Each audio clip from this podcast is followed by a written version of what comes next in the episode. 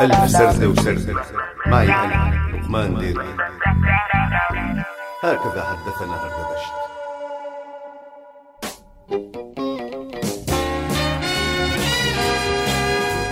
البحث عن الشارة المفقودة.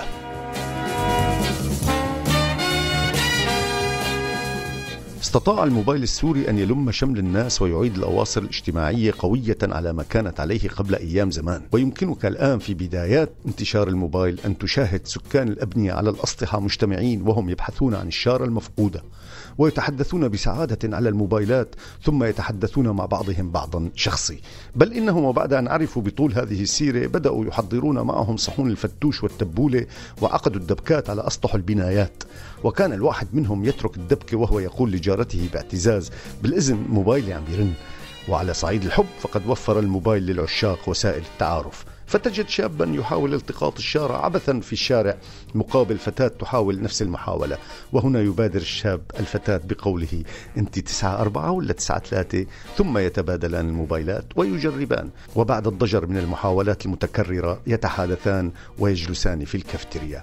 ويحاول الشاب أن يمد يده إلى موبايله الموجود على الطاولة فتلامس يده يد الفتاة.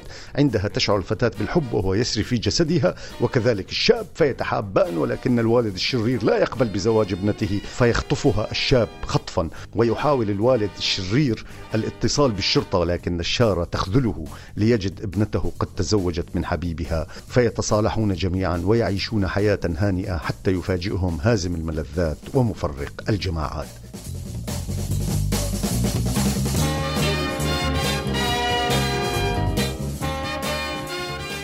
وصحيا فقد بات المواطن السوري يتمتع بصحة جيدة بسبب اضطراره لاستنشاق الهواء النظيف إذ أن الشارة مفقودة في المنزل مما يضطره إلى الخروج للهواء الطلق لاستخدام الموبايل.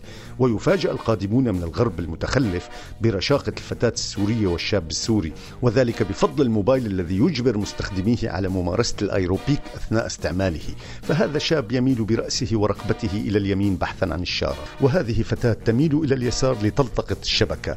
وهذا هذه امرأة مثل عود الريحان الذي هبت عليه نسمة صيف وهي تتحدث مع جارتها المتمايلة مثلها. وهكذا حتى أصبحت هذه الحركات من تقاليد استخدام الموبايل.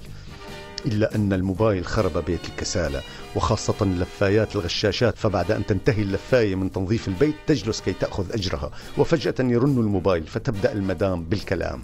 تغيب الشارة فتحاول المدام البحث عنها وتنبطح لتكتشف الغبار تحت الكنبة. فتغلق السماعة وتنهر اللفاية الغشاشة التي باتت تنظف البيت جيدا حتى قال المؤرخون البيت الذي يدخله الموبايل لا يدخله طبيب. ولعل مصيبة الخادمات سهلة أمام مصيبة بعض الأزواج فيحدث أن يعود أحد الأزواج الشكاكين بشكل مفاجئ إلى المنزل ليجد زوجته الحبيبة متبرجة ومتفرعة على سرير الزوجية المقدس.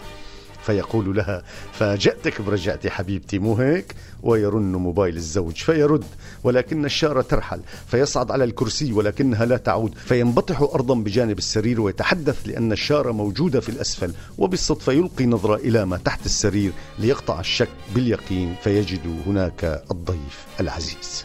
وتبقى وحدة الأفراد والأحزاب من معجزات الموبايل. فقد توحدت جميع القوى السياسية تحت شعار واحد هو إخت الشبكة ومحت الخلافات والنزاعات وحل الوئام بين الجميع. بل واجتمعت جميع السواعد والزنود والحناجر والحواس والأفواه لتردد شعارها الوحيد والمفضل إخت الشبكة.